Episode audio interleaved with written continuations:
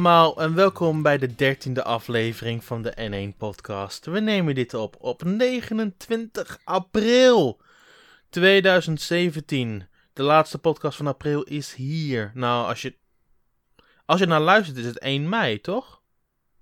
Ja, ja. goed is wel. Ja, dan is het al, 1, dan is het al mei, wauw. Gaat dat, snel. Dat is in ieder geval wel de bedoeling. um, we hebben geen feedback of vragen deze keer, maar we hebben wel Patrick en Nathan. Hallo. Ja. Daar zijn we weer. En dat is veel belangrijker. Yes. Nee, we hebben vandaag denk ik ook wel voldoende om over uh, te praten. Dus uh, we kijken, pakken de feedback en de vragen van deze week. Uh, dan kijken we nog heel even of we die volgende week oppakken, denk ik. Dat is helemaal prima. Uh, blijf de vragen wel gewoon stellen, want we vinden het wel leuk. Vorige keer hebben we er 40 minuten of zoiets geks aan besteed. Um, dus we vinden ze sowieso wel leuk om te beantwoorden. Maar er, was ook... er zijn meer belangrijke zaken deze week. Want er is daadwerkelijk nieuws deze week. Uh, iets wat we de afgelopen paar weken buiten de Nintendo Direct om niet zo heel veel hebben gehad. Dat klopt. Nee, ik, het, is, uh, het is lekker druk. Dat, dat is mooi. Yes. En dan beginnen we met het eerste. Om gelijk maar met de deur in huis te vallen, dus waarom ook niet. Nintendo heeft een nieuwe variant voor de Nintendo 3DS familie aangekondigd. En dat is de nieuwe Nintendo 2DS, 2DS XL. Wauw, wat een naam. Mooi hè? maar ja, wat zullen we ervan zeggen? Nou, ik ben een beetje. Ik, ik stond echt met een mond open toen ik dat zag. Ik dacht, wat, voor wie is dit product nou? Maar uiteindelijk ben ik tot de conclusie gekomen dat dit eigenlijk iets totaal anders is dan de, de eerste 2DS. Want de eerste 2DS, dat is eigenlijk vooral een soort budgetmodel. Uh, het zag er heel goedkoop uit, was ook goedkoop. Mhm. En dit is eigenlijk gewoon meer een soort 3DS, maar dan zonder 3D-scherm en met een wat goedkopere buitenkant. Dat is eigenlijk Goed, hoe ik het Goedkopere buitenkant of niet, ik vind hem er wel heel super sleek uitzien. Dus even, even teruggaan Ja. naar het begin. Uh, dit was aangekondigd tijdens de, de jaaropgave van, opgave van Nintendo. Wat ze, wat ze, wat ze hun financiën bekendmaken van de afgelopen 12 maanden. Um, en vanuit het niets kondigde, kondigden ze aan dat er, was, dat er een nieuwe handheld in de familie uitkwam. En dat is de nieuwe Nintendo 2DS XL. Um, en ja, die handheld komt op 28 juli uit in Europa, Japan en Amerika. En In op Japan komt die eerder, toch? Nee, op dezelfde dag. Um, Hmm. En een dag later komt ook nog een Dragon Quest versie. Die ziet er ook wel heel tof uit. Hmm. ja, Um, dat klopt. en op 25 juni komt die al uit in Australië. 15, dacht ik. 15? Nou, dat is 15. Prima. Um, in ieder geval komt er een heel stuk eerder dan ons. Yes. Um, Bijzonder. dus ik heb al een, uh, een Australische collega gevraagd om er eentje voor mij te bestellen. Haha, Um, zoals het moet. Um, Precies. Maar uh, ja, ik moet ook heel toegeven vanaf het moment dat ik hem zag. Want ik werd opgeschrikt door al die berichten op mijn telefoon. Want ik was net wakker aan het worden van een gezellige, maar lange Koningsdag met mijn familie. Dus ik werd wakker Ah, en ik keek op mijn telefoon. Het was ongeveer tien voor zeven. En ik kreeg opeens 50 berichten op mijn feed binnen. En ik van, oh mijn god, wat is er gaande? Nou, hier is een nieuwe handheld. Je houdt zoveel van handhelds. Hier is een nieuwe handheld. Van, oh mijn god, ik heb er nog één zometeen. Ja, precies. Ehm, het, het kan niet maar, op. ehm, Maar om eerlijk te zijn, ik vind het er best wel goed mooi uitzien op zich. ja, het is hij, is wel, hij is wel mooi. Het is niet meer dan gewoon de eh, 3DS, eh, een nieuw 3DS XL, alleen dan zonder de 3D-functie. Is het, nou, de, boven, de bovenste scherm is een heel stuk dunner dan een normale 3D, een nieuw 3DS XL. Ja, hij is Ja, maar ja, goed, ja, vooruit. Maar en, het, eh, het scherm van de 3DS XL is volgens mij ook net ietsjes groter, als ik me niet vergis. Of in ieder geval de Hij is dimensies even, zijn volgens mij is, is, is hij even groot. Voor mij was Nee, de even- Nee, ik, dimensie ik, is nee, ik, kleiner. even kijken wat het zegt hier in. Ik heb de pers, persrelease open. Volgens mij is ehm, het de helft. De, de resolutie heb ik het dan over. Even kijken. Je kunt het nieuwe systeem openklappen, begrijpen aan de kleurcombinatie zwart, turquoise en wit-oranje. Het grote scherm heeft dezelfde afmetingen als dat van de nieuwe 3DS XL. Ja, maar de resolutie van de nieuwe 3DS XL is hoger. Als ik me niet vergis. Hm. Dat lijkt me niet, want dan moet je een ander scherm produceren. Dan moet je een ander scherm produceren, dat lijkt me niet. Nee. Ehm, Dat duurder. dat moeten we dadelijk even opzoeken dan. Want dat, ik heb Ja. namelijk ergens de vergelijking eh, eh, ge, eh, met de specs heb ik een vergelijking gezien. ja. En daaruit haalde ik in ieder geval dat de resolutie van de 2DS eh, lager was. Maar eh, meer Nou ja. details. Ah, hier. Maar ja, dat, Maar- dat is ook zo dat er maar één scherm achter zit in plaats van twee. Dus het zou ook wel best wel logisch zijn, eerlijk gezegd. Ook bij de XL? We hebben het nu over de nieuwe XL, want die heeft geen 3D 3D-scherm. Ja, maar hij klapt dicht, dus dan lijkt mij dat er nog Ah. steeds twee schermen zijn. Hm. Nee, wacht. Ik, eh, ik- de, in principe is de resolutie van de 3DS XL is 800 x 240 pixels. Mhm. Alleen, eh, dat is alleen als je de 3D-feature gebruikt. Want ja, het is vier- 400, 400 per oog. 400 pixels per oog. Alleen, dus dat is hetzelfde als eh, de 2DS. Ja, precies. Lekker Hm. verwarrend. Maar, ehm, ja, want normaal maar ik, projecteert ik, maar ik, ik, ik, ik, keken naar de, de video toen ik opstond. En ik, moet, ik ben opnieuw heel eerlijk. Ik vond het veel beter uitzien dan mijn nieuwe 3DS XL. En ik dacht meteen van... Oké, ehm, waarom heb je dit gewoon niet eerder uitgebracht in plaats van de normale nieuwe 3DS? Ja, dat blijft een goede vraag. Nou ja, de 3DS, daar zit nog steeds natuurlijk gewoon een 3D-scherm bij. Nou, dat eh, hebben ze nu eh, overboord gegooid. Ja, maar daar hebben ze nog steeds de nieuwe 3DS XL voor.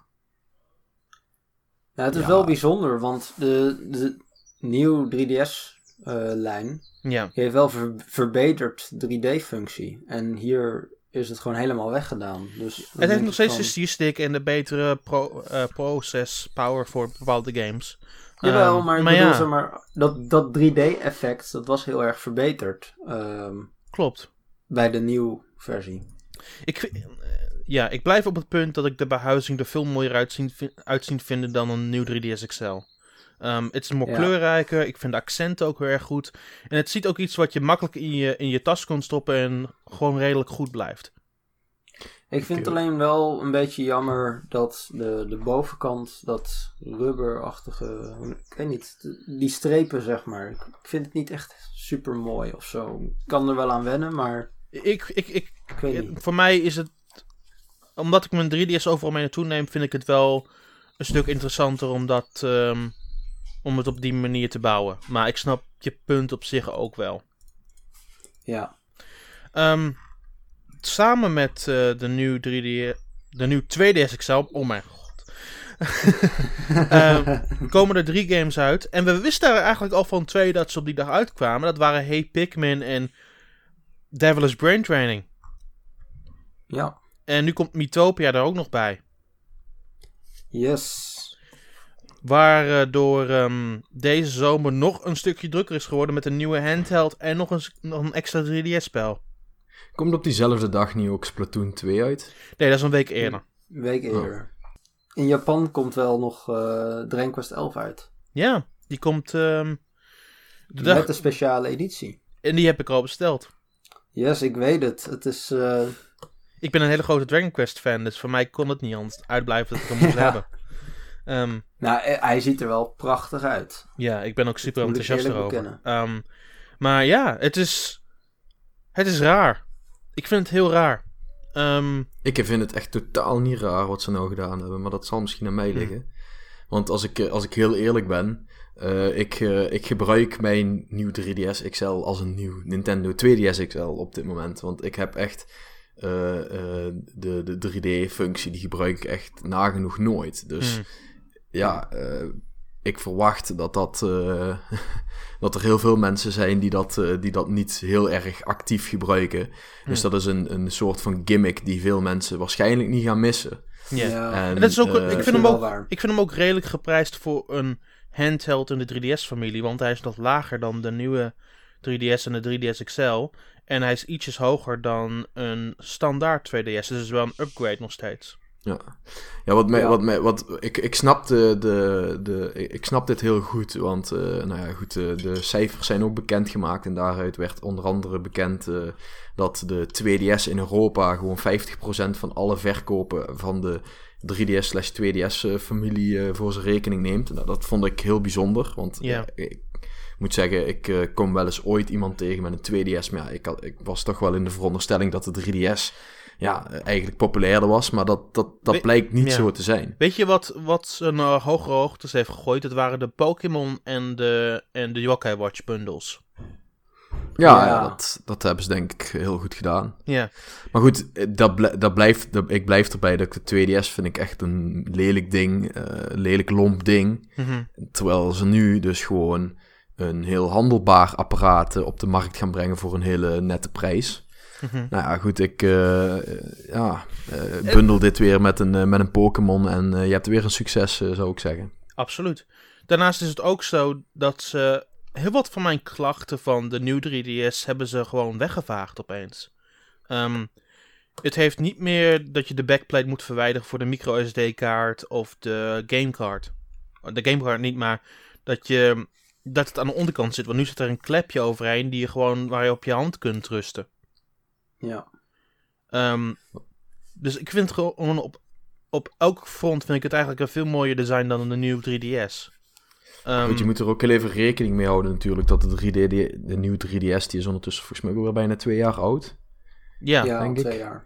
Eh, dat de, de hardware is natuurlijk ook gewoon aanzienlijk verbeterd eh, de afgelopen twee jaar. Dus het is weer veel makkelijker om dezelfde hardware in, in een kleiner omhulsel te stoppen. Hmm. Dus ja, dat, dat, dat betekent gewoon dat als je twee jaar verder bent, dat dit soort dingen mogelijk zijn. Waarschijnlijk was dat twee jaar geleden, was dit gewoon niet mogelijk om hetzelfde erin te krijgen zonder de prijs flink eh, hoger te laten uitkomen. Eén ding waar dus ik, ja, één ding waar ik niet helemaal gerust over ben, is de, is de locatie van de speakers op de nieuwe 2DS XL. Ja, dat, dat, daar was ik ook naar aan het kijken. Het was echt van, waar zitten die? Die zitten in, die zitten in het onderste scherm, geloof ik. Erin. ja. die, ja, da- daarachter, aan de onderkant lijkt het op het plaatje te zijn. Ja. Zeg maar in de Oh, zijkant. daar. Ja, ja.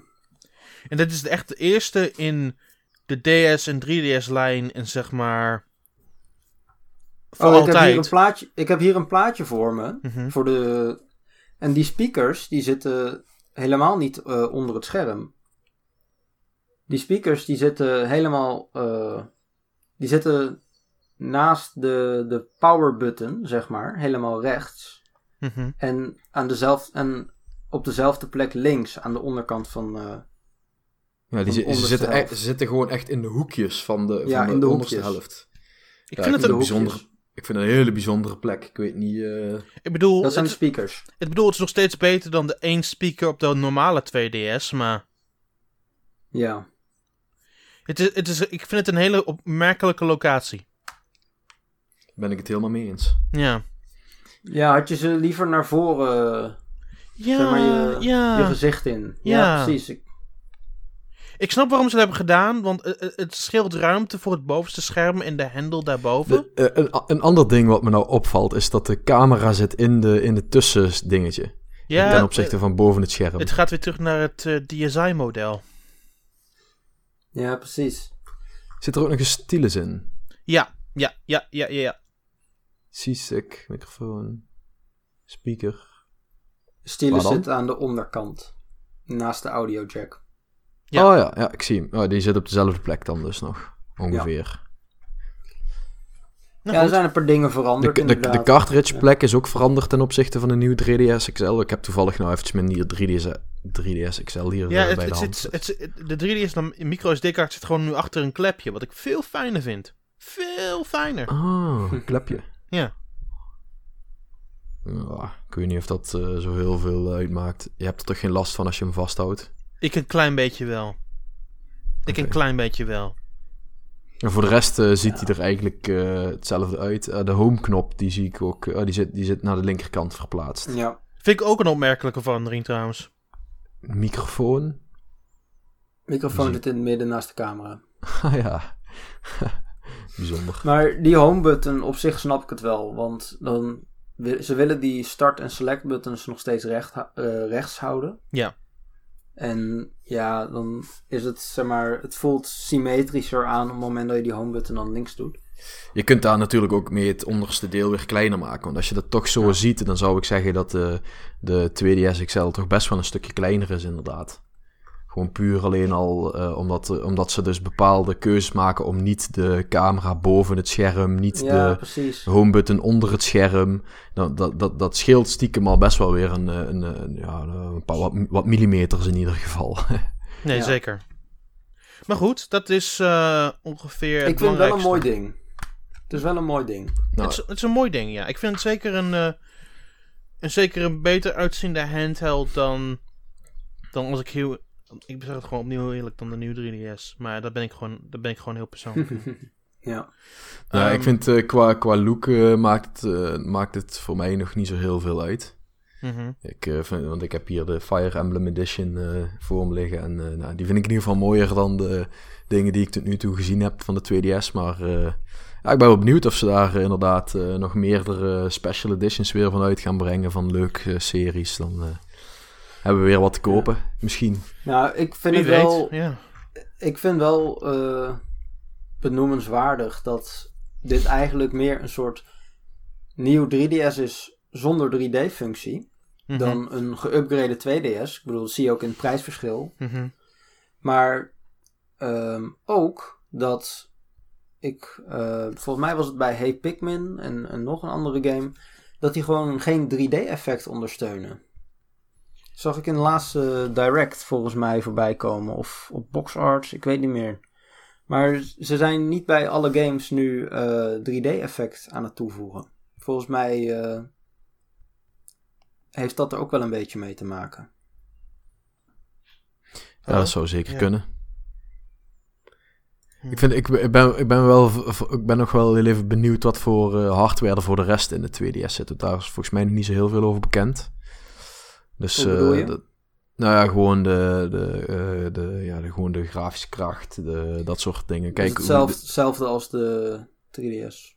Eh nieuw 3DS. Oké, dat is wel genoemd.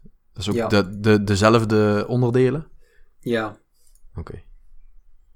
Maar goed, dat Nou, is... goed, dan, krijg je, dan krijg je gewoon een mooi apparaat. Als je nog geen, eh, als je nog geen handheld hebt van Nintendo van deze generatie, dan eh, krijg je met de 2DS XL, de nieuwe 2DS XL, krijg je eigenlijk gewoon alles. Behalve de 3D-functie. Maar ja, ik die denk dat 3D-functie. dit ook wel eh, het model is om voor te gaan. Op het moment dat je een eh, nieuw of een oude, dat maakt op zich niet uit, hebt die kapot gaat of die je wegdoet omdat weet ik veel wat. En je, je hebt een nieuwe nodig. Ik bedoel, er zijn al genoeg mensen die ik ken die al een eh, 3DS versleten hebben. Die nu aan een tweede bezig zijn. Eh, op het moment dat hun huidige nu kapot Dat, gaat dat, of dat, zegt, het dat weg, zegt meer over die mensen hoor. Ja, dat zou goed kunnen. Maar op het moment dat je. Ik, ik denk dat er wel meerdere mensen zijn die. eh, zeg maar. op een gegeven moment een nieuwe kopen en dat dan hiervoor gaan. Het scheelt toch weer 30, 40 euro. Ja, ik, ehm, daar ben ik het wel mee eens. Ehm, ik ben ook wel overtuigd dat ze aan het einde van het jaar heel wat bundels er weer uit gaan gooien om dit ding hard te gaan promoten. Ja. En ik vind, ook, En, eh, ik vind de prijs ook goed gekozen, want vooral als je het kijkt van een Amerikaans of Japans perspectief, ietsjes minder vanuit Europa, ehm, is het precies de helft van een prijs van een Switch. Ja. Dus dan hebben ze ook een, een soort van budget aanbieding voor mensen die heel wat games willen spelen. En geloof mij, de 3DS heeft heel wat games. Ehm, en als je klaar bent voor een misschien wat hoger model, dan kun je altijd nog upgraden nog een keer paar, een jaar later naar een Nintendo Switch. ja, precies. En hij is ook goedkoper dan de, eh, de rest van de nieuwe familie, om het zo te noemen. Ja, ik vind het een. eh, ik vind de prijs vind ik heel sterk en goed gekozen voor wat ze bieden. Het is nog steeds, nog steeds alle functies buiten de 3D om. En daarnaast dat is het een goede positie om te hebben om een 300 euro console te hebben en een 150 euro handheld. Want dat, daar heb je echt twee verschillende opties die je vanuit twee verschillende perspectieven kunt bekijken. Zeker, nee, daar ben ik het 100% mee eens. Goed, dan gaan we door. Ja, ik, ik ben Sorry. inderdaad wel benieuwd eh, wat, het, eh, wat, het, wat dit het gaat doen. Want ja, het, het ziet er inderdaad wel naar uit dat... eh, nou ja, goed. Wij, hebben het er, wij zijn het er eigenlijk al eh, net over eens gekomen dat als je nu nog een, iets nieuws moet gaan kopen, dat je het beste die kunt gaan kopen. Tenzij je inderdaad echt heel veel waarde zou willen hechten aan die eh, 3D-functie. Mhm. Ja. Maar ja, dat is een kwestie van tijd eh, totdat eh, eh, de nieuwe 3DS dus, eh, ja, denk ik eh, langzamerhand aan de kant gezet wordt. Dat, Ik denk dat de eh, nieuwe 3DS XL wel blijft. Ik denk dat de normale nieuwe 3DS ver- verdwijnt. Ik denk ook, ook na een tijd dat de normale 2DS een keer verdwijnt. Ja, dat, eh, ja die, ik denk dat die redelijk snel gaat verdwijnen. Ja, daar die- de- dat alles van-. Ik denk dat, dat de productie daarvan, eh, die zal wel al redelijk snel eh, gestopt gaan worden. Ja. En dan haal je gewoon de nieuwe 2DS en de nieuwe 3DS XL haal je dan gewoon Ja, over. al- althans, trouwens, hoe, hoeveel, eh, hoeveel kost een 2DS le- los? 69 Ehm, euro. Ja. Eh, En er zijn hier allemaal bundeltjes voor 100. Ja. Met nou, game. dan, denk dus. ik, dan denk ik eigenlijk dat die toch nog wel even door eh, blijft gaan. Aangezien die ook zo goed verkocht wordt. En het prijsverschil is toch best wel hoog. Dan verwacht ik inderdaad dat de 2DS, XL, of de 2DS eh, gewoon nog wel een eventjes aanblijft. Ja, maar je ziet dat het, de oude 2DS, die...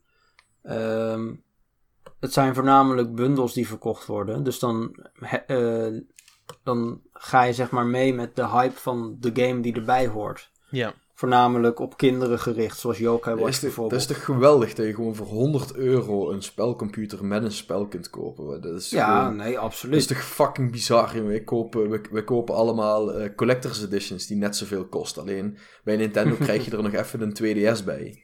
Ja, dat- precies. Ik, ik, ik weet niet waarom. Ik, had, ik heb altijd in mijn hoofd gehad dat die 2DS eh, gewoon eh 100, 110 euro of zoiets los kost. Ja, dat was Dus- voor mij de startprijs. Dus eh, ja, kijk, en da- dan, dan vind ik dat ja, redelijk, redelijk prijzig. Alleen ja, als je dit zo zegt, dan, eh, dan snap ik ook waarom in Europa eh, de helft van de verkopen de 2DS is. Want ja, goed, dat is natuurlijk gewoon Ja. super cheap. Eh, Pokémon had een flinke boost op dat moment door Pokémon Go. Dus iedereen wou die game spelen. Ja, voor 100 euro kan ik Pokémon eh, Sun of Moon spelen op een 2DS. Ja, super awesome. Ja, het is gewoon de, Ja. twee, de twee punch van Yokai Watch en Pokémon naast elkaar. Eh, Ja, want die verschijnen vooral in heel veel Europese landen op hetzelfde televisiekanaal. Je ziet er constant commercials voor voor beide. En de beide games zijn gewoon verkrijgbaar op de 3DS. Dus waar willen kinderen dan naartoe? Die willen naar de 3DS.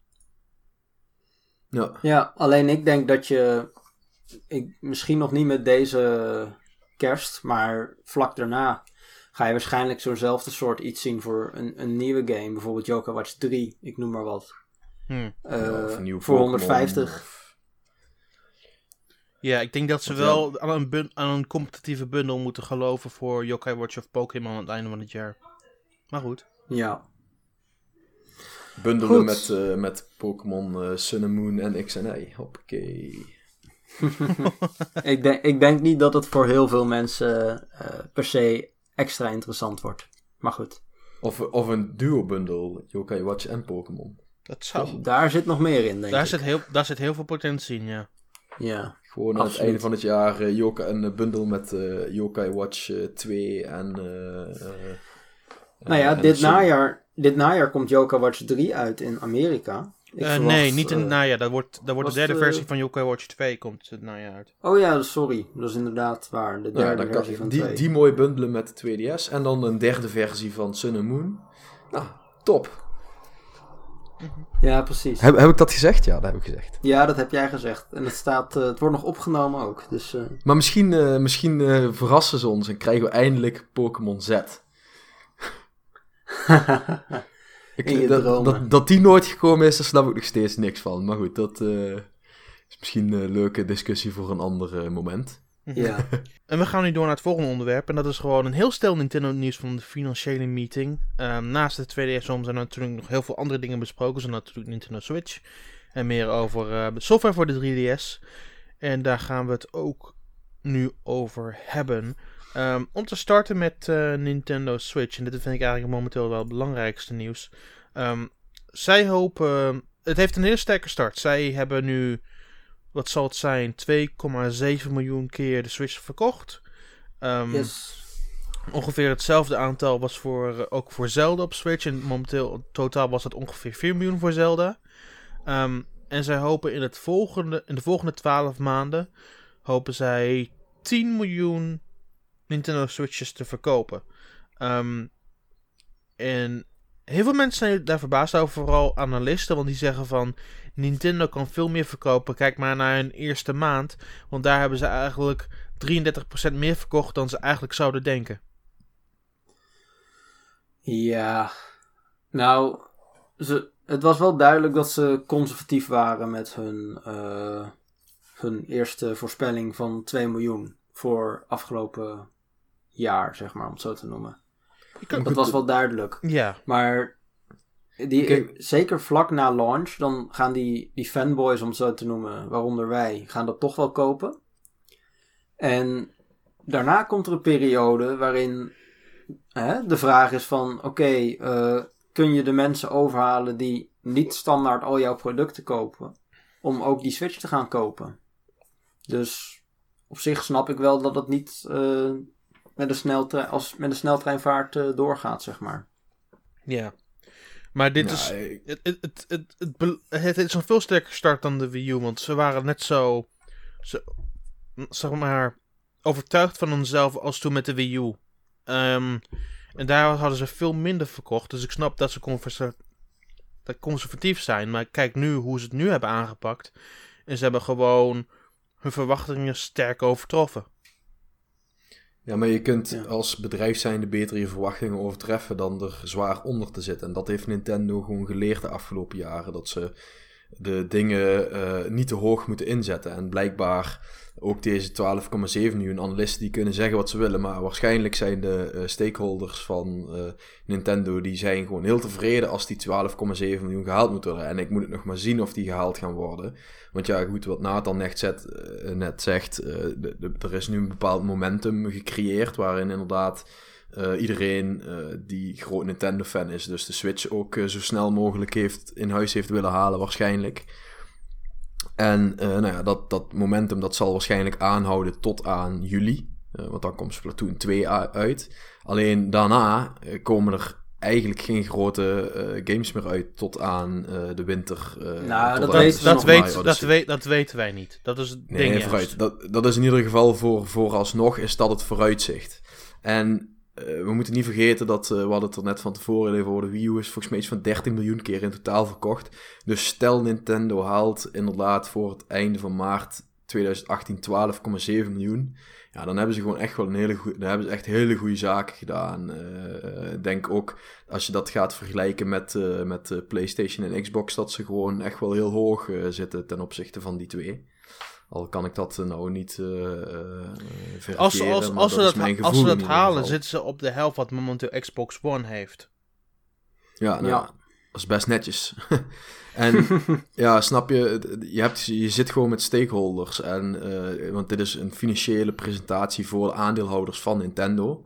Dus als, als daar geschreeuwd wordt door, ah ja, we gaan al die, want al die analisten die kunnen van alles voorspellen. En oh, we gaan naar de, weet ik veel, 20 miljoen.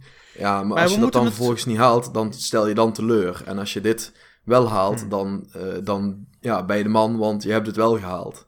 Ja, we moeten ook eens een keer positief bekijken. Dat, dat analisten positief zijn over de aandacht van Nintendo en hoe ze het aanpakken. Want dat zijn analisten ook niet altijd geweest de afgelopen paar jaar. Nee, klopt. Maar um, ik vind 10 miljoen, dat was eigenlijk ook wat waarvan ik dacht van ja, dat zal wel uh, redelijk zijn als ze dan op ongeveer 13 miljoen uitkomen. Mm En volgens mij hadden ze datzelfde ook voorspeld voor de Wii U. Of heb ik dat verkeerd? Ik weet het niet meer, maar in ieder geval... Um... De, de Wii U heeft totaal iets van 13,4 verkocht miljoen. Nee, maar volgens mij bedoelden ze... Uh, wilden ze voor maart 2014 ook 13 miljoen Wii U's verkocht hadden. Wat toen uiteindelijk niet gehaald werd en omlaag geschroefd en weet ik veel. Ja. Maar dat, dat weet ik niet meer zeker precies uh, wat, wat die deadline was. Maar goed, in ieder geval. Je hebt nou dus een, hele, een heleboel mensen die dat sowieso kopen. En er is ook een goede stroom aan software. Maar nu is de vraag: oké, hoe ga je de mensen uh, overhalen die niet meteen een Switch kopen op launch? Om toch dat ding te gaan halen. Want je hebt de Wii U-bezitters die denken van... Ja, uh, ik vind dat Nintendo mij onrecht heeft aangedaan. Uh, ze hadden nog langer moeten ondersteunen, of weet jij veel. Ik bedoel, die mensen zitten er ook tussen. De Zelda is 1 miljoen keer verkocht voor de Wii U. Mhm. Dus dat is eigenlijk al een. Uh, laat dat al zien, vind ik. En die mensen moeten ook nog naar de, naar de Switch komen voor Nintendo. En uh, ja, Splatoon 2 zal daarmee helpen. Mhm. Dat is Ja, ik, een- ik denk dat hit. Splatoon 2 daar niet zo heel erg mee gaat helpen. Want eh, Splatoon 1, omdat de Wii U zo weinig verkocht is, is dat eigenlijk alleen maar bekend bij de mensen die een Wii U hebben. Dus dat gaat inderdaad de, de mensen die de Wii U hebben misschien overhalen om wel te halen. Maar eh, het, eh, tot aan de winter ontbreekt echt een grote eh, Nintendo game die bij iedereen bekend is. Ja, maar we moeten niet onderschatten hoe groot Splatoon eigenlijk wel niet is. Want zelfs mensen die niet Wii U verkocht hadden, waren best wel jaloers dat Splatoon uit was. Ehm, en Ja. daarnaast is het in de meeste regio's een van de meest verkochte spellen voor de Wii U geweest. En daardoor had het heel veel buzz en momentum. En de reac- positieve reactie van ook eh, mensen zoals ons, maar mensen ook de gewone consumenten, die helpen met het verspreiden van het woord. Dus ik denk dat Splatoon 2 een hele grote potentie heeft. De grootste potentie van na Mario Kart nu. eh, om mensen Mhm. aan te trekken om een, om een eh, Switch te gaan halen. Ehm, en vooral als je kijkt naar in de periode waar het uitkomt. En waar Splatoon 2 ook het, het grootste zal zijn. En dat is Japan. Hebben ze er heel goed aan gedaan om dat in, Jap- in Japan ook sowieso in juli uit te gaan brengen. Want het zorgt er wel voor dat waarschijnlijk heel veel mensen meer een Switch gaan halen. Ja, Ja. je- maar goed, daar zeg je meteen al zoiets. Je hebt het nou over Japan. Ik denk dat, eh, dat het eh, sowieso vind ik eh, voor iets, een game uit te brengen in juli of augustus in Europa, dat vind ik eh, persoonlijk geen goede, geen goede tijd voor Europa in ieder geval. Want dan is iedereen eh, met vakantie en iedereen is eh, buiten. En, eh, Ja, maar En, dat, het, is, het tegendeel is wel zo gebleken dat ze wel genoeg verkochten tij- tijdens de zomerperiode ook nog van mensen zoals ons. Dus En eh, Ja. Splatoon past wel helemaal in dat plaatje. Die vibe van Splatoon, dat is wel echt een, een soort zomerse game, om het zo te noemen. klopt, ja.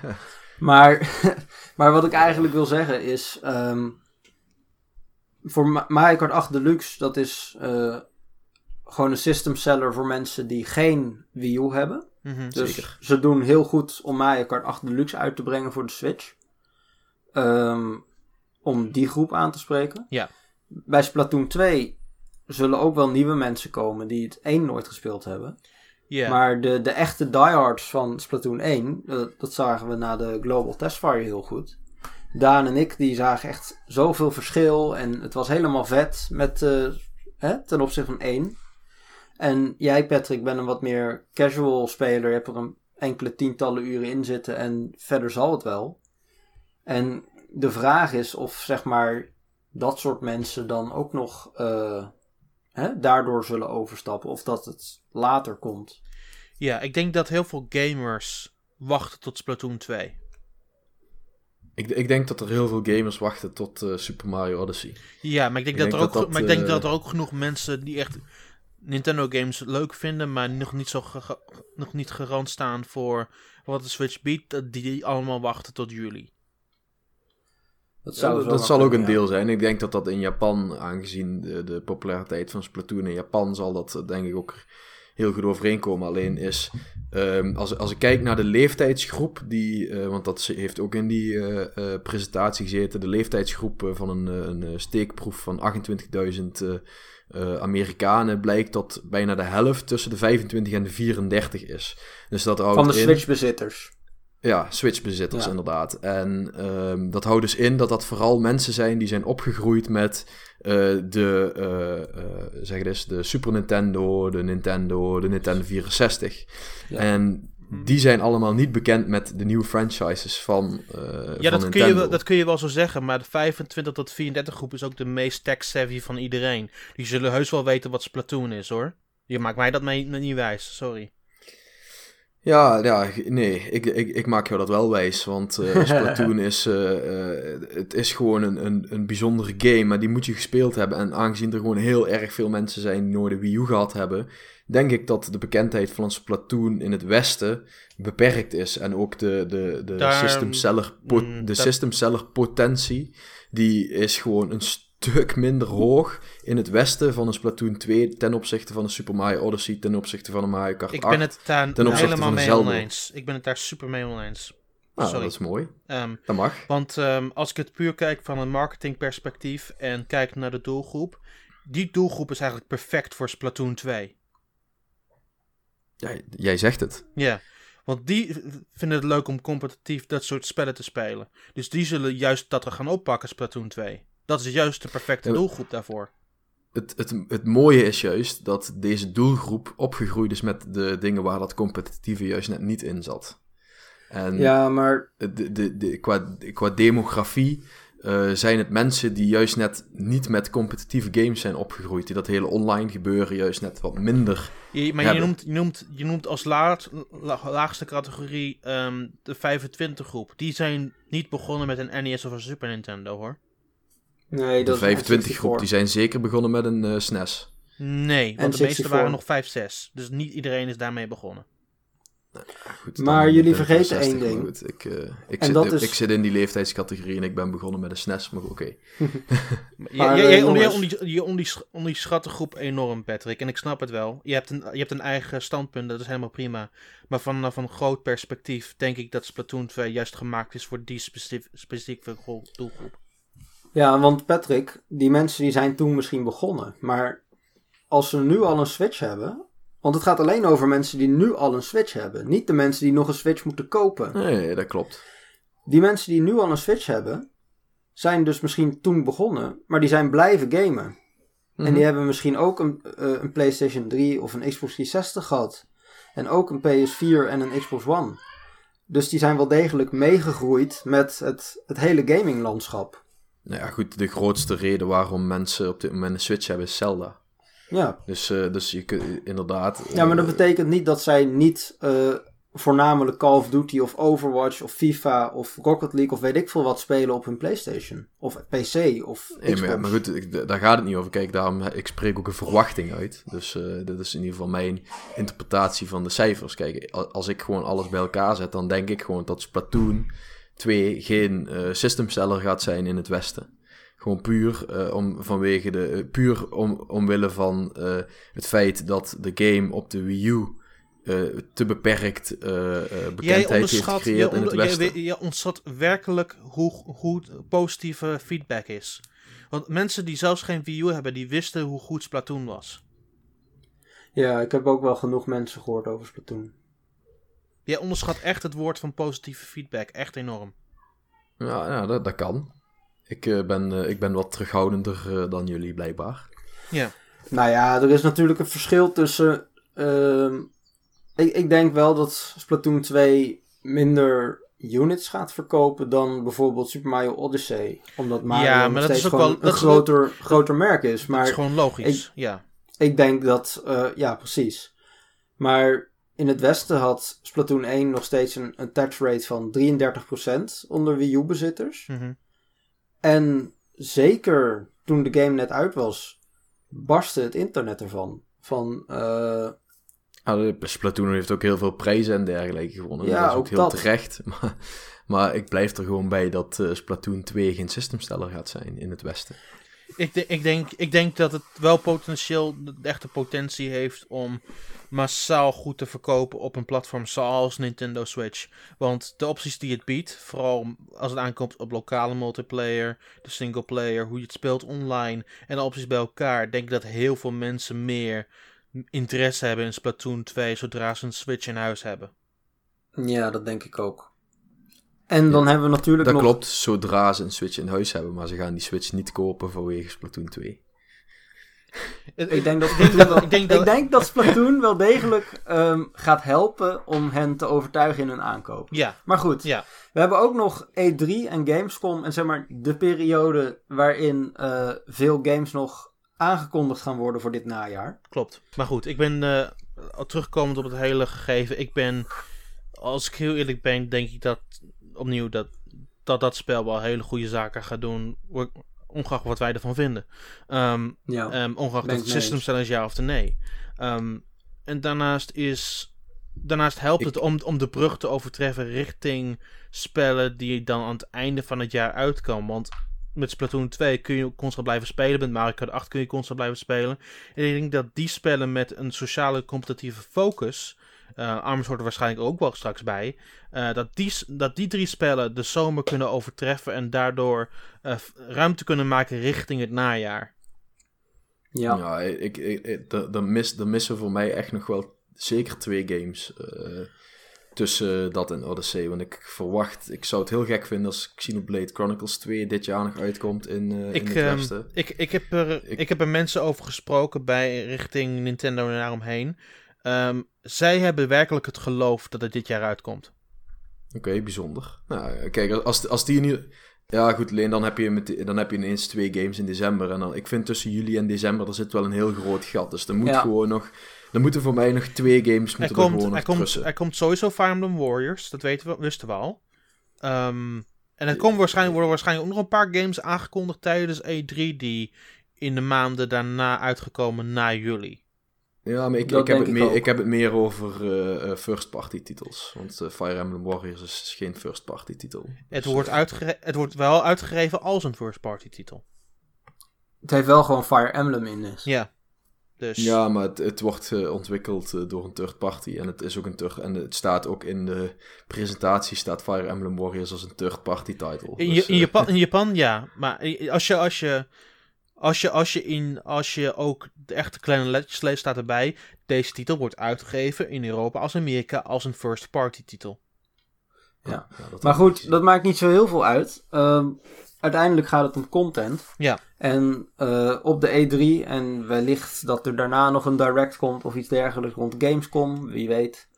Uh, la, laat ik het anders iets verduidelijken. Ik mis nog echt een partygame of, of iets dergelijks voor uh, het najaar. Dat een, een, nieuwe Super Mario Party of. Maar, je bedoelt Ma Super Mario Party, je bedoelt Mario Party. Ja, Mario Party. Um, ja, maar eerlijk, laten we eerlijk zijn, de laatste paar Mario Party games waren ook niet echt geweldig. Dus ik weet niet waarom je zit te wachten op een Mario Party. Ah, maar eh, iets, iets, in ieder geval iets, wat, uh, iets in die richting. Gewoon, uh, ja, weet ik veel. Maar uh, ja, de laatste paar Mario Parties waren inderdaad niet zo geweldig. Die daarvoor waren wel geweldig. Maar Patrick, wil jij daar dan wel Nintendo Switch Unis mee gaan verkopen? Uh, aan de doelgroep uh, uh, van die leeftijd waar we het net over hebben, ja. Daar ben ik juist niet overtuigd over dat die specifiek die doelgroep daar geïnteresseerd in is. Ja, ik wel, want die zijn juist net met die spellen opgegroeid. En toen waren ze wel heel goed. Dus als je ja, maar dat is, dat is 20 jaar geleden. Ja, maar je kunt. Die mensen zijn ook gegroeid. Ik, ik, je, je, ik ben echt verbaasd over het feit dat de 25 en 34-jarige doelgroep juist heel erg bekend is met de dingen die daaromheen gebeuren. Want die zullen het veel snel opzoeken op het internet of het goed is, ja of nee. Ja, natuurlijk. Ja. En... Dus, eh, dus ik denk dat, dat die momentum gebouwd is op echt goede games. Het maakt niet uit wat voor games het zijn. Het moet gebouwd zijn op goede games. Um, dus het, is, het lijkt me meer dat we moeten afwachten wat er tijdens E3 gebeurt. Um, hoe ze dat gaan aanpakken. Welke games um, ze naast de sociale competitieve games van de trio van Mario Kart, ARMS en Splatoon 2 uitbrengen naar meer sociale vriendelijke games. Zoals een party game, zoals dit, zoals dat. Want een line-up moet divers zijn. En het is nog maar het eerste jaar. Um, we hebben Zelda voor singleplayer mensen. We hebben Want to Switch voor nu momenteel voor de partygroep. Die echt, niet echt geweldig is, maar het is een game, snap je? Um, en dan heb... Snipclips. Snipperclips hoort er natuurlijk ook wel bij, ja. En dan heb je opnieuw de drie games die nu momenteel van april tot juli uitkomen. En daarna heb je het najaar. Moet je het gaan doen met echt grotere titels. En waarschijnlijk horen Xenoblade en Super Mario Odyssey in dat rijtje thuis. Wat er daarnaast komt, en ik hoop dat daar nog een game tussen zit, um, horen we waarschijnlijk tijdens E3. Ja, ja dan, dan uh... kunnen we ook pas weer eigenlijk nuttig daarover gaan praten. Ja. Want tot die tijd, ja, en uh, nou ja, ik denk ik, dat... Ik ben, uh, ik, ik ben daarnaast ook wel heel erg benieuwd wat er dan inderdaad uh, in 2018 nog... of, ze dit, of ze dit dan ook kunnen doorzetten naar 2018. Dus ik hoop daar toch oh, wel ik denk het wel. Ze zullen het wel Want, moeten in ieder geval. Zeker. Ik, ik ben... Ik bedoel, ze hebben heel veel mensen bespaard met Mario Kart 8 Deluxe. Want daar zijn ze geen drie jaar mee bezig geweest. Tenminste, dat hoop ik niet voor ze. um, Dus die mensen kunnen aan andere games gaan werken. Nou ja, eh, als je zo nog meer een paar eh, games hebt die eigenlijk een soort van daarvan afkomen. Ik denk dat Mario Kart 8 Deluxe puur is ontstaan uit het feit dat de meeste van het Mario Kart team momenteel aan ARMS werkt. Oh, is dat, eh, dat, dat, dat hetzelfde team? Ja, want de, de senior producer Ah, ja. van de Mario Kart franchise is nu de director voor ARMS. Nou ja. nou ja, dan zie je daar al een beetje waar dat terugkomt. Mhm. Ehm, ja, ik denk dat ze wel heel goed eh, gekeken hebben. Oké, wanneer brengen we wat uit? Want ze zien, dit eerste jaar zijn ze heel erg bezig met... Oké, we willen praktisch elke maand eh, wel een, een nieuwe first party game. Mhm. Ehm, misschien dat het in 2018 iets minder wordt, maar ik denk niet dat we zulke grote gaten gaan krijgen van drie maanden of meer als bij de Wii U. Dat, kunnen ze eh, zich ook niet veroorloven. Dat kunnen ze, Nee, dat kunnen ze ook niet meer. Ehm, vooral als echt zo blijkt dat Xenoblade en Mario Kart Odyssey, Mario Super Mario Odyssey het einde van het jaar bereiken, heb je al twee hele sterke games aan het einde van het jaar. En daarna moet je dat momentum doorzetten met misschien iets kleinere titels, want je kunt geen grote game bouwen in een jaar. Dat kan niet. Nee, precies. En het scheelt natuurlijk ook wel dat ze zich nu ook niet zo hard meer hoeven te focussen op de 3DS. Dus Ja. mensen zouden... Ik, ik heb het idee die- dat meer second parties en third, en third parties samen met Nintendo aan 3DS software werken. En dat is helemaal prima, Ja. want dat betekent dat, dat hun interne studios kunnen focussen op Nintendo Switch. Juist, precies. Dus ja, misschien dat je nog een... eh, iets van, van Alpha Dream of van Game Freak of weet jij veel eh, nog voor de 3DS ziet. Ja, Eh, maar bij Nintendo intern zullen de meeste inderdaad wel op de Switch werken. ja we hebben er al twee grote... En, en wie weet wat de, de westerse studio's doen. Ja, zoals, hebben- eh, ik denk dat we waarschijnlijk wel iets van Retro Studios dit jaar gaan horen. Dat mag wel. Want het is veel te... Eh, want als je, Donkey Kong. want je, moet, je moet wel nagaan dat hun laatste game in 2000... Begin 2014 is uitgekomen volgens mij. Ja. Een nieuwe 3D Donkey Kong. En- Nee? Nee. Ah. En, het, Nee. en, en, dit- en, The Night. En een, een, een, een grote game is meestal gebouwd in drie jaar. Ehm, ja.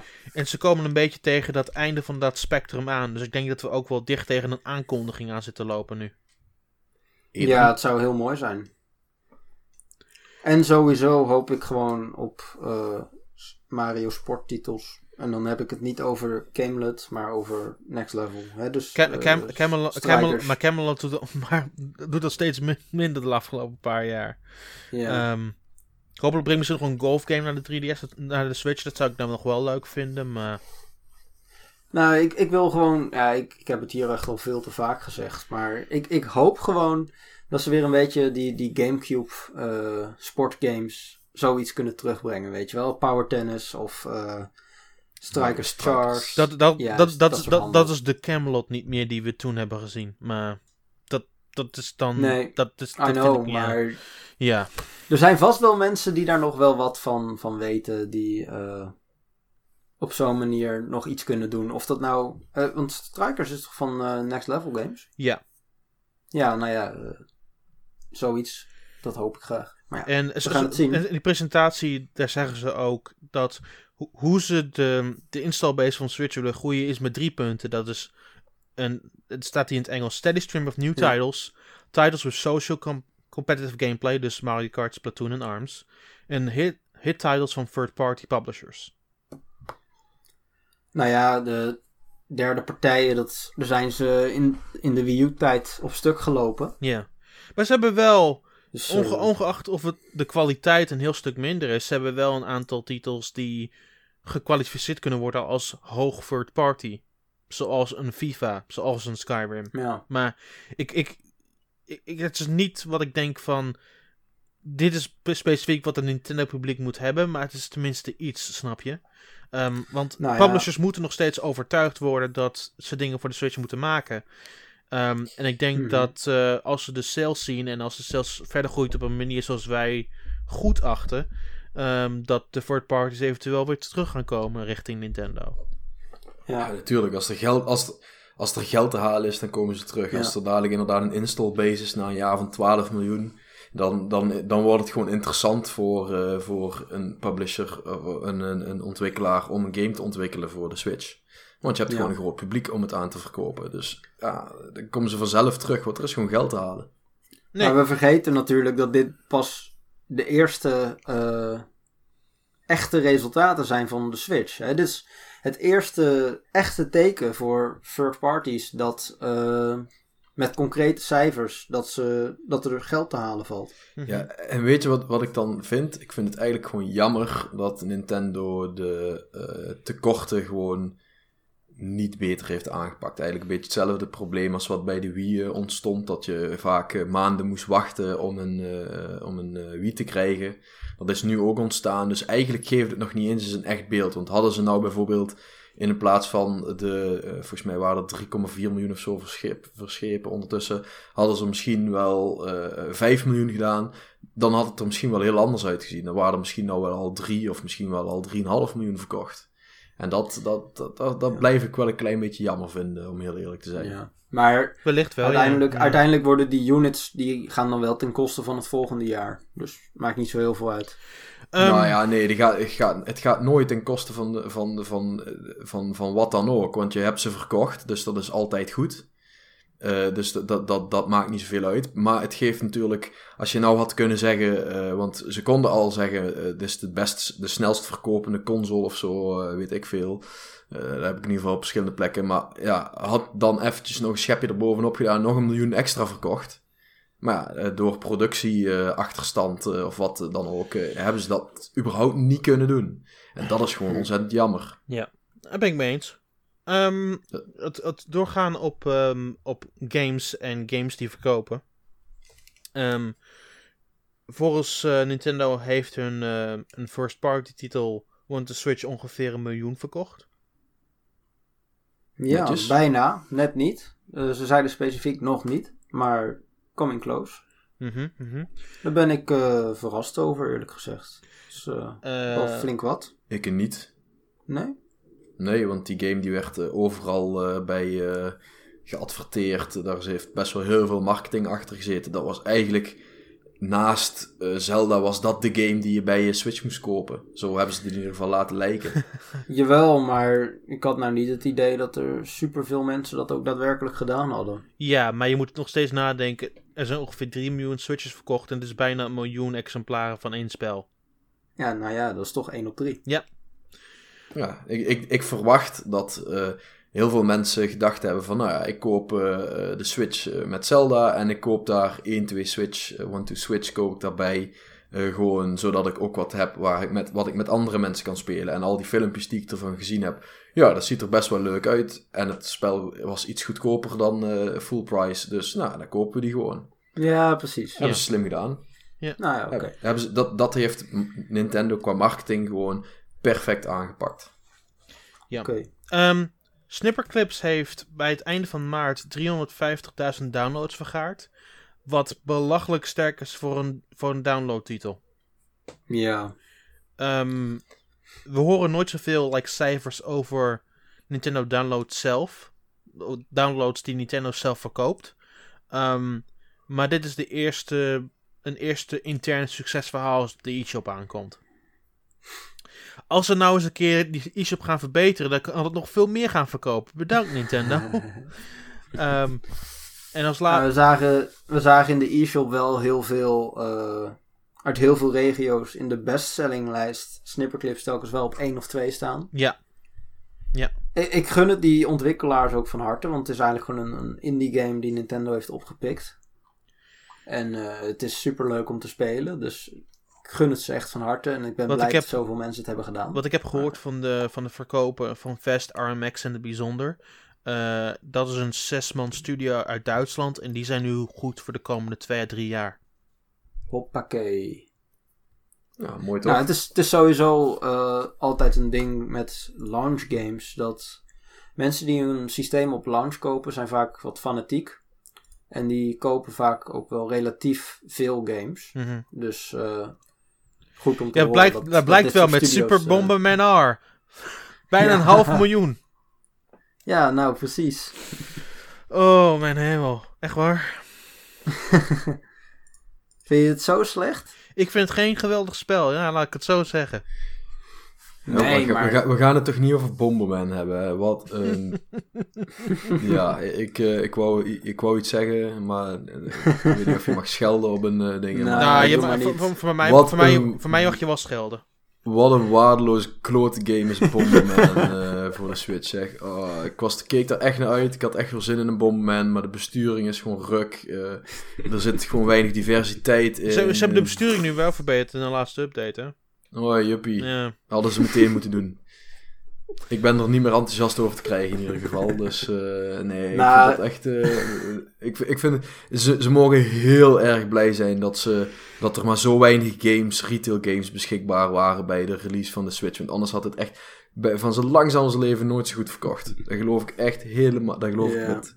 Hm. Nee, Nee, ik denk wel dat echt. het meer is dan als ze twee jaar later of zo eh, hadden gedaan. Maar Ja, ik weet niet. Ik vind, het, ik vind het jammer dat het 3D-graphics zijn. Ik had liever gewoon 2D sprites gehad. Zeg maar gewoon een klassieke feel. Ja. Maar op zich snap ik wel dat er veel mensen zijn, zeker juist op Nintendo-platforms, die denken: Oh, het is heel lang geleden dat ik Bomberman gespeeld heb. Ehm, heb ik eigenlijk wel weer zin in. Ik koop hem. Ja, en er is niks anders beschikbaar, dus daarom zal ik hem maar kopen. Ja, laten we dat met z'n allen doen met 500.000. We, sluit- we sluiten nu het eh, Switch-gedeelte een klein beetje af. Nog even snel terug naar richting eh, 3DS. Ehm, Yes. qua s- sy- systeemverkopen en het aandeel van first-party 3DS-software is het afgelopen, zijn de afgelopen 12 maanden een derde sterker geweest dan het jaar daarvoor. Waardoor het teruggaat naar het, eh, naar het ehm, financiële jaar 2015-2016.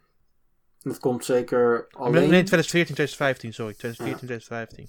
2024. Ja. Dat komt zeker door één titel. Eh, nou, het komt door meerdere Pokémon en Yokai Watch zijn sowieso een van de twee dingen die zijn bovenaan noemen.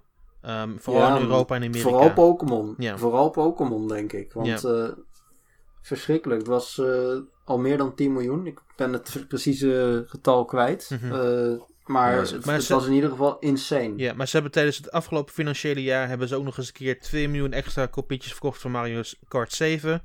Eh Hoppa. 1,5 miljoen extra van X en Y. 2 miljoen extra van Pokémon Omega Ruby en Alpha Sapphire. Eh, een miljoen extra van Super, New Super Mario Bros. 2. Een half miljoen extra van New Super Mario 3D Land. Een miljoen extra van Animal Crossing. En 800.000 extra van Tomodachi Life. Wauw. Tomodachi hey. Wauw. Nou ja, ook nog steeds een miljoen extra voor eh Super Mario 3D Land. Dat vind ik veel hoor. Want die game is eh zes jaar oud. Of wat is het? Ja, ja, dat is klopt. Ja, Ja. zoiets. Ja, Dus die, ga- eh, die game is vet, man. ja, maar nog steeds. Dat je nou 1 miljoen, dat is veel hoor. Ja, een half En dan extra. gewoon Half zes miljoen. jaar Een later. half miljoen. Nu Super Mario Oh, een Bros. 2 half was een miljoen. miljoen die het extra verkocht. Oh, oké. Maar goed, dan nog. Dus als absoluut aantal is dat al veel. En dan gewoon vijf tot zes jaar later. Dat is echt insane. Ja. Dus het het gaat echt puur om evergreen titles om de 3DS Ja. te blijven kunnen verkopen. En ik denk dat titels zoals deze daar heel goed dingen, geen goede zaken nog steeds doen, Ja, zeg maar een paar jaar nadat ze uit zijn gekomen. ja dat denk ik ook. Ehm, er is natuurlijk toekomst voor de 3DS. Natuurlijk hebben we het erover gehad tijdens de laatste Nintendo Direct. Ehm, er komen ook heel wat meer titels uit, nog steeds in Japan. Third party natuurlijk. Ja, Ehm, die zijn altijd wat langzamer. Als die nou gewoon eens ook even allemaal naar hier komen, dan ben ik weer blij. Ik zou dat ook wel heel erg leuk vinden, ja. Ehm, Maar daar hebben we het inderdaad de vorige keer eh, ook redelijk uitgebreid over gehad. Of in ieder geval twee keer geleden of zo, volgens mij. Twee keer geleden, ja. Ja. Ehm, en de laatste waar ze natuurlijk over hebben, over hebben gehad is smart devices. Ehm, ze hopen nu 2 à 3 jaar, 2 à 3 titels per jaar uit te kunnen brengen. Per financiële jaar is dat niet normale Ja. jaar. Ehm, en, maar ze hebben niet echt gezegd wat een volgende titel is, want ze hebben eigenlijk ons ook nog steeds niks verteld over Animal Crossing. Nee, Ja, ik, ben zou heel verwachten benieuwd. dat dat nog steeds het volgende, de volgende titel is. Ja, ik zag wel verwacht dat ze tegen deze tijd wel een keer wat nieuws zouden zeggen. Ja, misschien ook bij de E E3. Ze praten Nee. nooit tijdens mobiel, tijdens E3. De enige uitzondering was Pokémon Go. En dat was niet door hun ontwikkeld. Hm, Ja, maar ja, goed, eh, dingen kunnen veranderen. We zullen het zien, ja. Nou, ik, ik, ik hoop heel erg dat ze eh, Animal Crossing mobiel een soort van extensie maken van hun Switch eh, Animal Crossing game. En ik Ja. hoop gewoon dat het dit jaar nog uitkomt. Ik, dat, ik, zou- ik ga... dat heb ik eigenlijk ja. nog liever dan Retro Studios, weet je wel? Ja, want ik, ik ben, ga eerlijk zijn, de laatste keer dat ik over ehm, hun Animal Crossing game heb gehoord, waren ze compleet overnieuw begonnen. Ja, Want- het, want- lijkt mij ook een heel moeilijke game om goed te doen, want het is super casual. Want, Dus- nee, want, want hier is het ding. Volgens hun was de game af. Ehm, Mhm. maar niemand bij de Super Mario Club, en dat is de NCL variant van Treehouse en Nintendo Europe Quality Assurance. Ehm, niemand vond hem daar leuk. Maar hoe krijg je het dan voor elkaar om hem zo ver te ontwikkelen? Geen idee. Maar blijkbaar zijn ze nu compleet on- opnieuw begonnen om een nieuwe gameplay loop te bedenken. Ja. Nou ja, oké, dan zal het nog even duren, denk ik. Ja. Daar, Op ga- naar de volgende daar, gaan we, game. daar gaan we niet tot de E3 van horen, heb ik het idee. Nee, dat ben ik dan ook bang voor. Dat was al het financiële nieuws. Hè hè? Dat was een lange zit. dat was inderdaad een lange zit. We hebben het vooral over Switch gehad eigenlijk, maar dat is ook wel belangrijk op zich. Ehm, even kort nog drie verhalen ro- rondom Fire Emblem, want we willen nog wel het echt wel een keer met een, iets met game gerelateerd afsluiten in plaats van al dit systeem gerelateerde nieuws. ja, Ehm, precies. Eh, het eerste korte nieuwtje is dat ehm, Nintendo. We hebben het hier al eens een keer over gehad. En we hebben het ook wel gehad in de aflevering die nooit is uitgekomen. Maar onze hoop was dat misschien ze Echoes, Fire Emblem Echoes, de naam gingen gebruiken voor toekomstige remakes. En het lijkt erop dat ze, Yes. dat ze daarmee eens zijn. Want ze zeiden in een Engelse quote: We put a lot of thought in a title like Echoes that can let older games echo with modern players. We're very pleased with it, and if there are more remakes, we'll likely use the Echoes title again. Nou ja, Yes. kom op, Fire Emblem Echoes 2. Ah. Nou, dat betekent gewoon dat er een Fire Emblem Echoes en dan naar de spa, dan een dubbele punt en dan de titel komt. Dus Shadows of Valentia is eigenlijk de titel van deze game. Ja. Ja. Nou, ik vind Ja, het wel mooi. goed.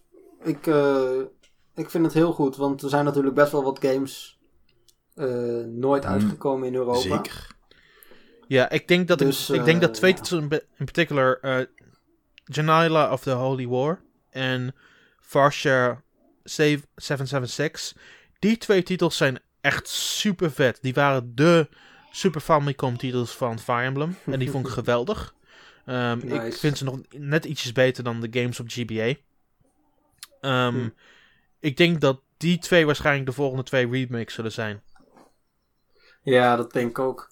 Toch hoop ik eigenlijk ook wel, maar ja, dat kan daarna altijd nog natuurlijk, dat ehm, de, de GBA-games ook gewoon opnieuw uitgebracht worden. Ik vind eh, de eerste gelokaliseerde Fire Emblem, eh, die heb ik op Wii U Virtual Console. Mhm. En eh, ja, dat vind ik gewoon een geweldige game. Het, eh, gewoon qua verhaal, qua hoe het eruit ziet, hoe het voelt. En ja, de tactiek, dat is dan leuk voor erbij eigenlijk nog wel. Zo, zo'n heerlijke game vind ik het.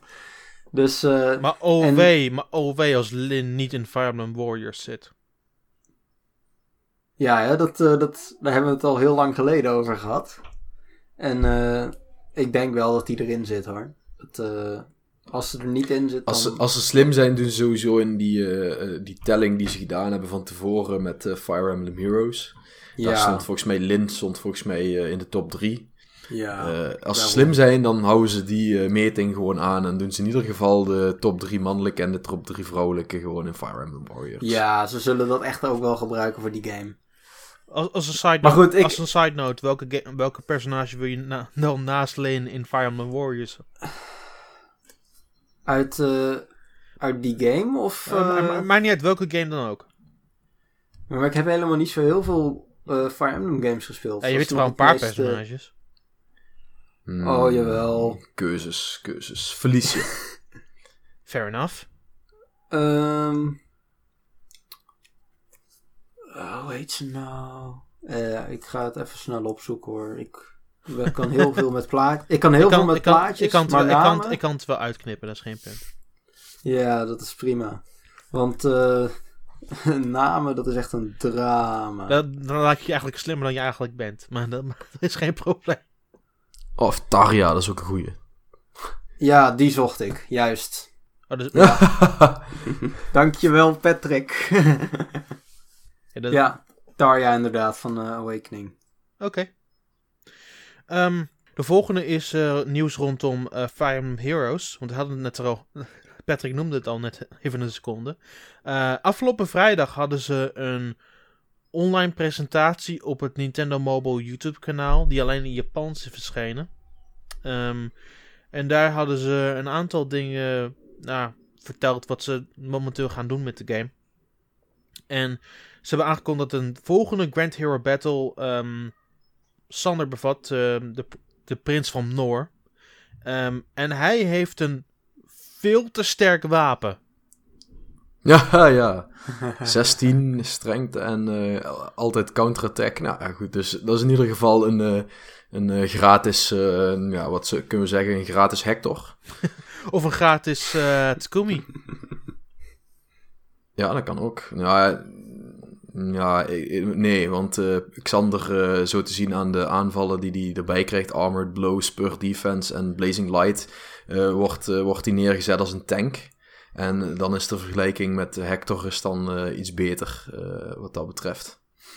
En een van de voordelen die Xander dan, als het goed is, wel heeft, is Xander zat op een paard, toch? In het Ja. originele spel. Ja, ja, ja, ja. Dus Ja. dan heb je een tank die kan counterattacken op een paard.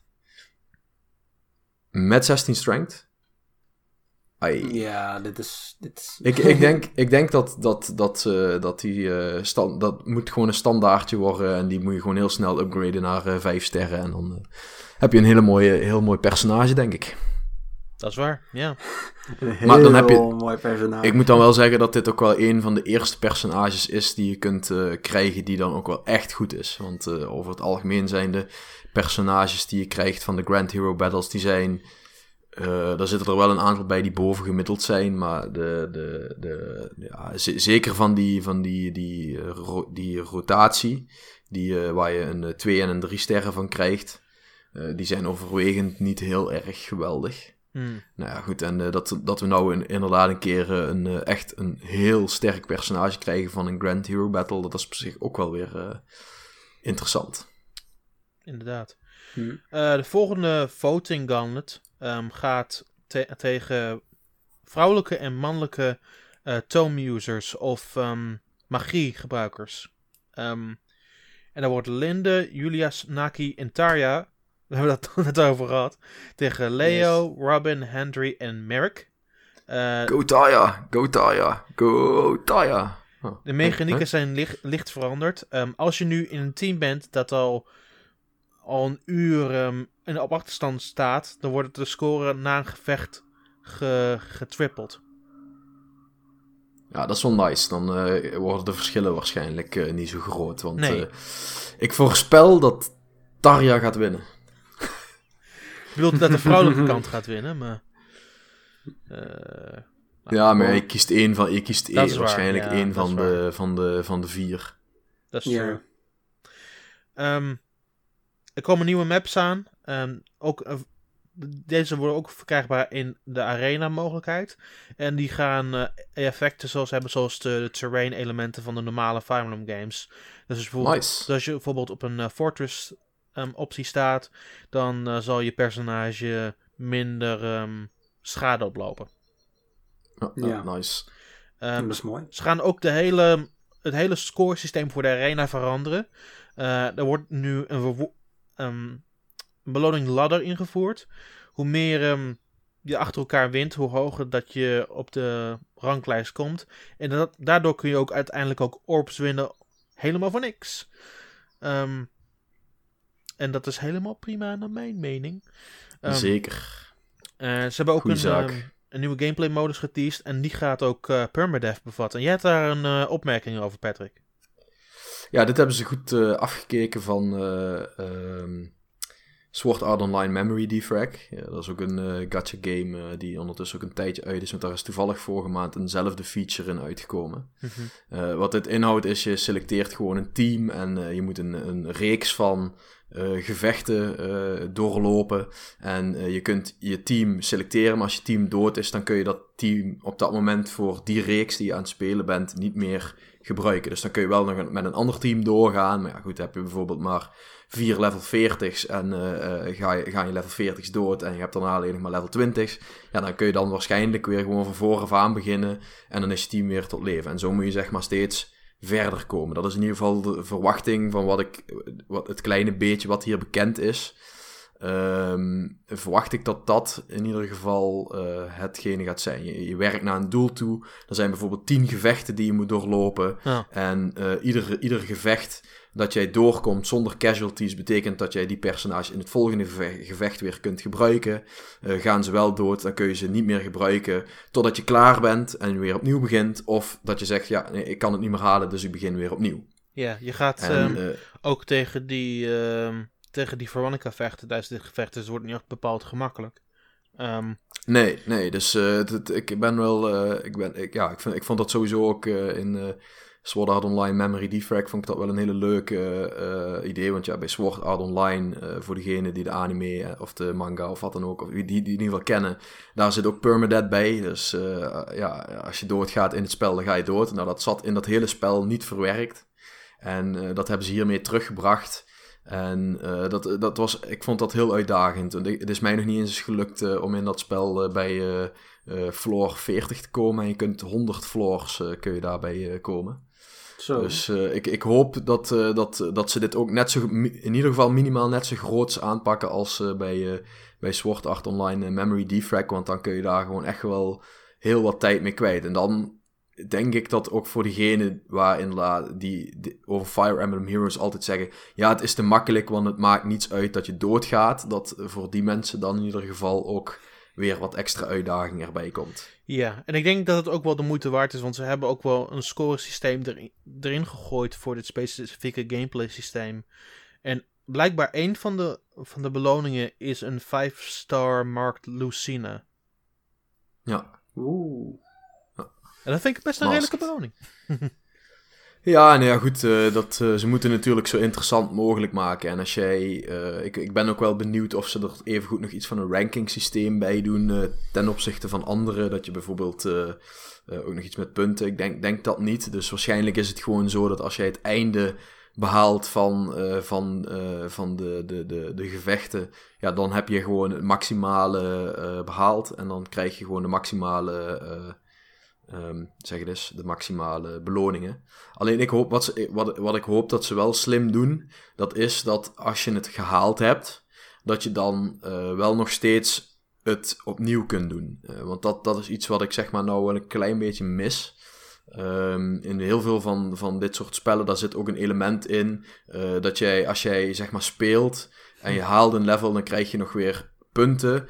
Uh, die je kunt die bijvoorbeeld uh, uh, kunt gebruiken om nog weer andere beloningen te krijgen. En dat houdt niet in dat jij zeg maar dat spel moet uitspelen. Maar stel jij komt iedere keer tot de helft. Dat jij ook als je heel vaak tot de helft komt, nog steeds mooie beloningen kunt krijgen. En dat je niet alleen maar ja, vastzit. Want als je op een gegeven moment vijf, zes keer tot de helft bent gekomen en het lukt je maar niet om verder te komen, ja, dan, dan leg je het aan de kant en dan ga je er niet meer door. Terwijl als jij iedere keer wordt beloond voordat jij tot die vijfde of de zesde uh, battle komt, dan blijven mensen dat ook spelen. En ja, ik hoop dat ze dat uh, uh, wat beter aanpakken, want dat heb ik ook nog niet echt teruggevonden in, in Fire Emblem Heroes. Helemaal goed. Hm.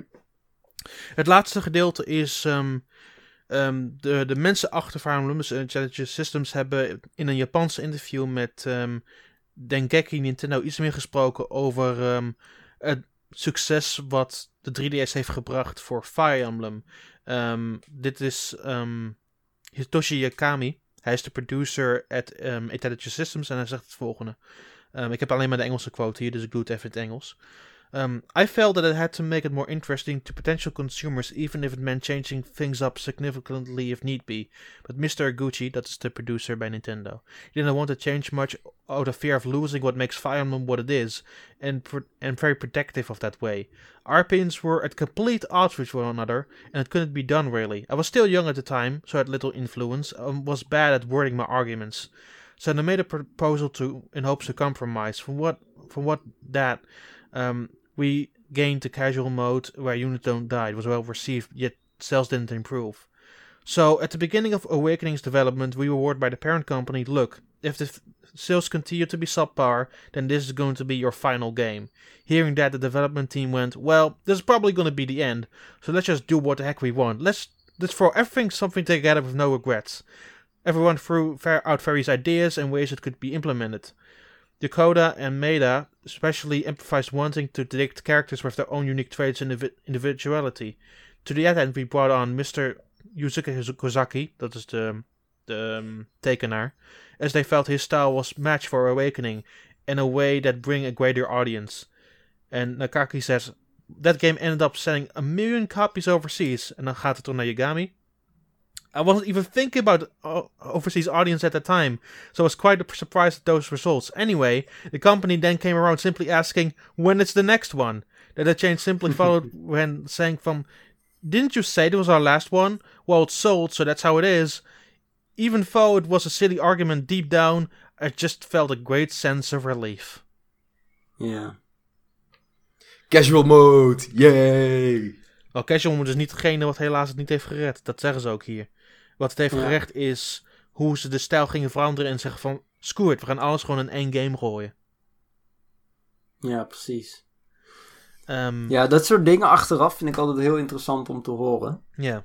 En ehm, Maar daar is casual mode wel een onderdeel van. Laten we het daar eh, ook over ja, het heeft het wel toegankelijker gemaakt. Maar Want eh, ik, ik, ja goed, ik, ik, ik, ik heb, ben ook eh, vooral met Fire Emblem bekend geworden eh, vanwege Awakenings. En ehm, ik heb die game, ik ben begonnen op eh, hard en eh, zonder casual.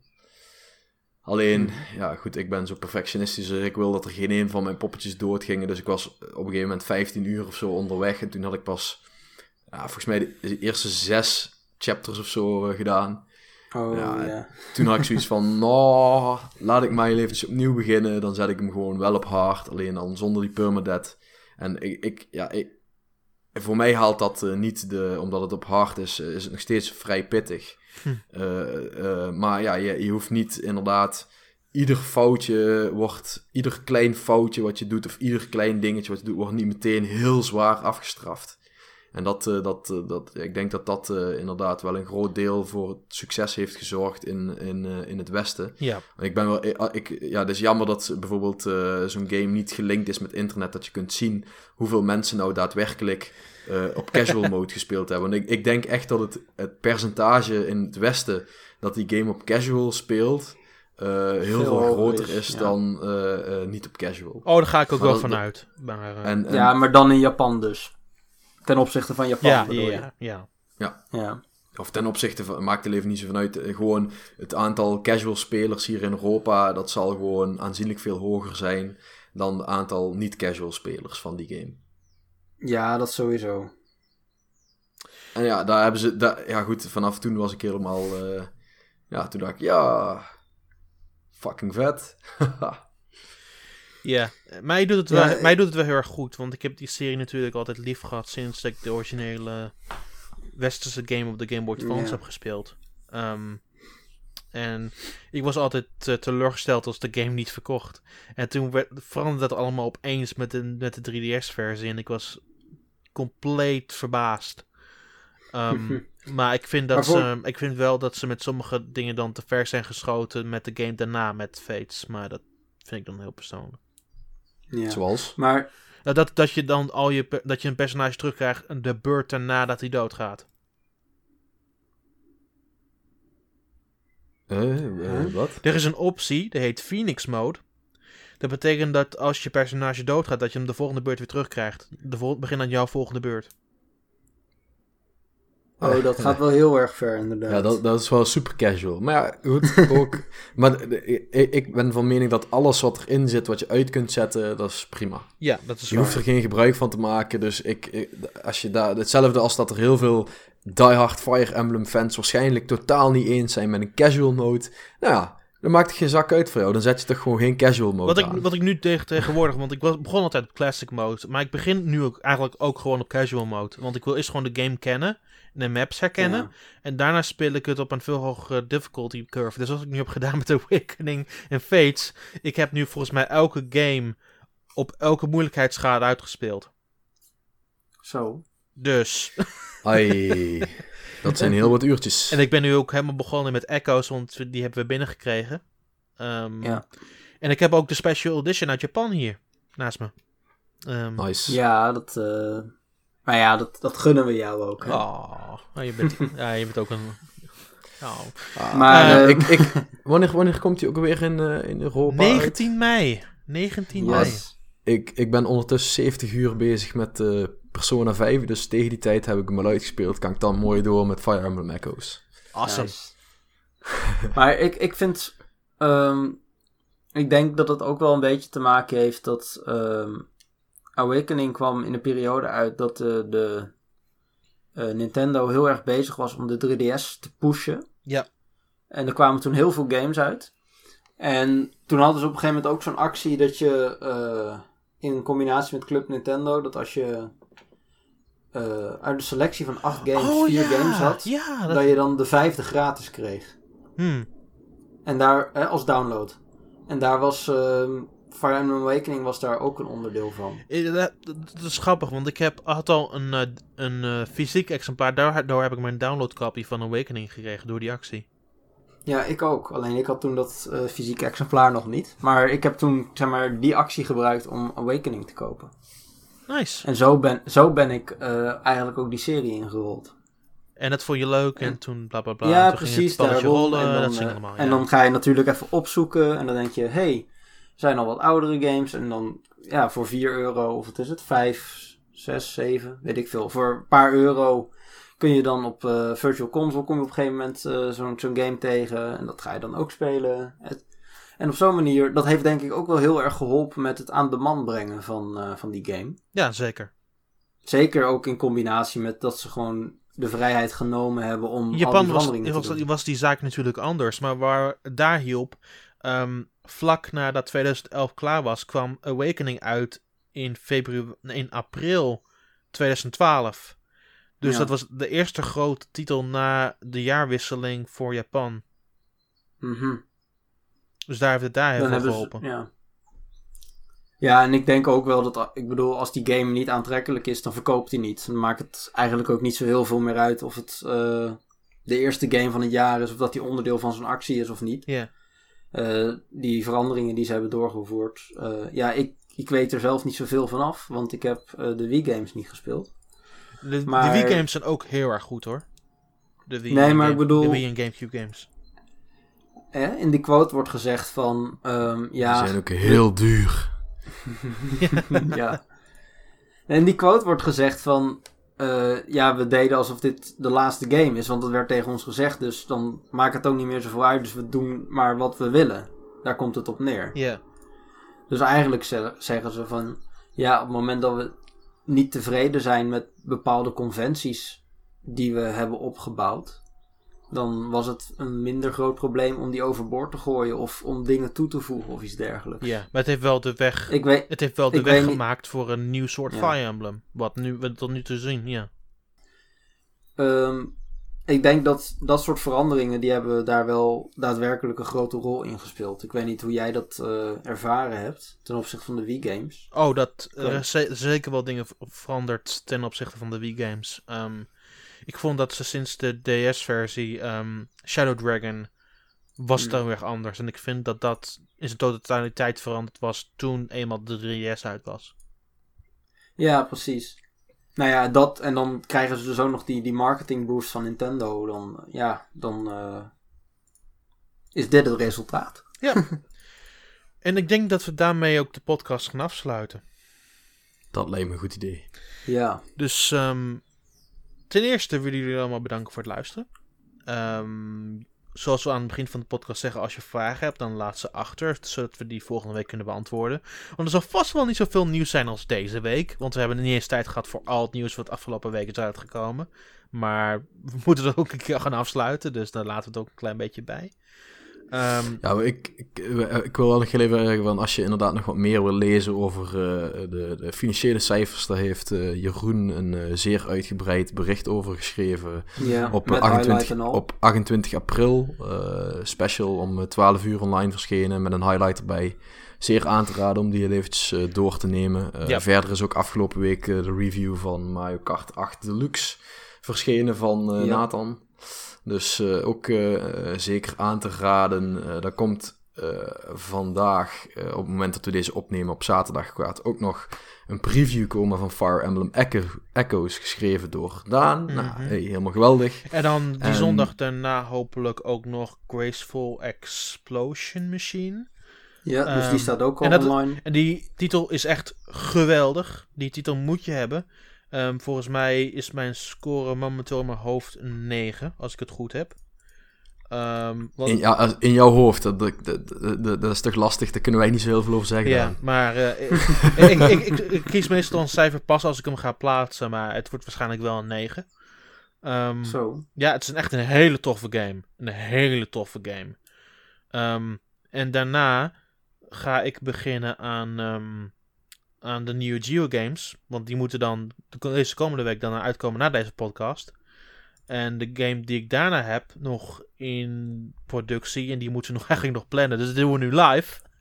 Wel, hallo Ja. Patrick. Ehm, eh, dat, Hoi. dat is eh, Tumbleseed. Tumbleseed. Nou, dat komt goed, gaan we inplannen. Die komt eh 2 Ja. mei uit. En ehm, mocht, je, mocht je geïnteresseerd zijn in meer podcasts, dat kan altijd. Ehm, ik ben een nieuwe podcast begonnen. Die heet eh eShop Action Team. Ehm, en de eerste ehm, aflevering van dat is eigenlijk een interview met de makers van Tumbleseed. Ja, in het Engels is dat. Ja, 25 minuten lang. Ehm, ik, praat, ik praat daarmee met Benedict Frits. Dat is een hele aardige gozer.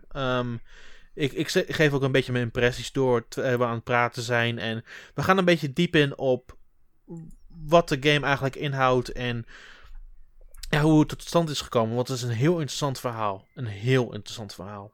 Ehm, nice. dus eh, kijk daarna uit als je nog meer interesse hebt in meer podcasts. Dat kan altijd natuurlijk. Hey, je- ik weet ook niet hoe je schedule van de dag in elkaar steekt. Je hebt al naar een anderhalf uur lang podcast geluisterd, dus ik weet het niet. Ehm, maar dat is iets waar je naar kunt luisteren. Je kunt naar ons naar de website gaan. Je kunt doen wat je wil. Heb gewoon een fijne week. Het is, het is jouw wereld. Doe waar je zin in hebt.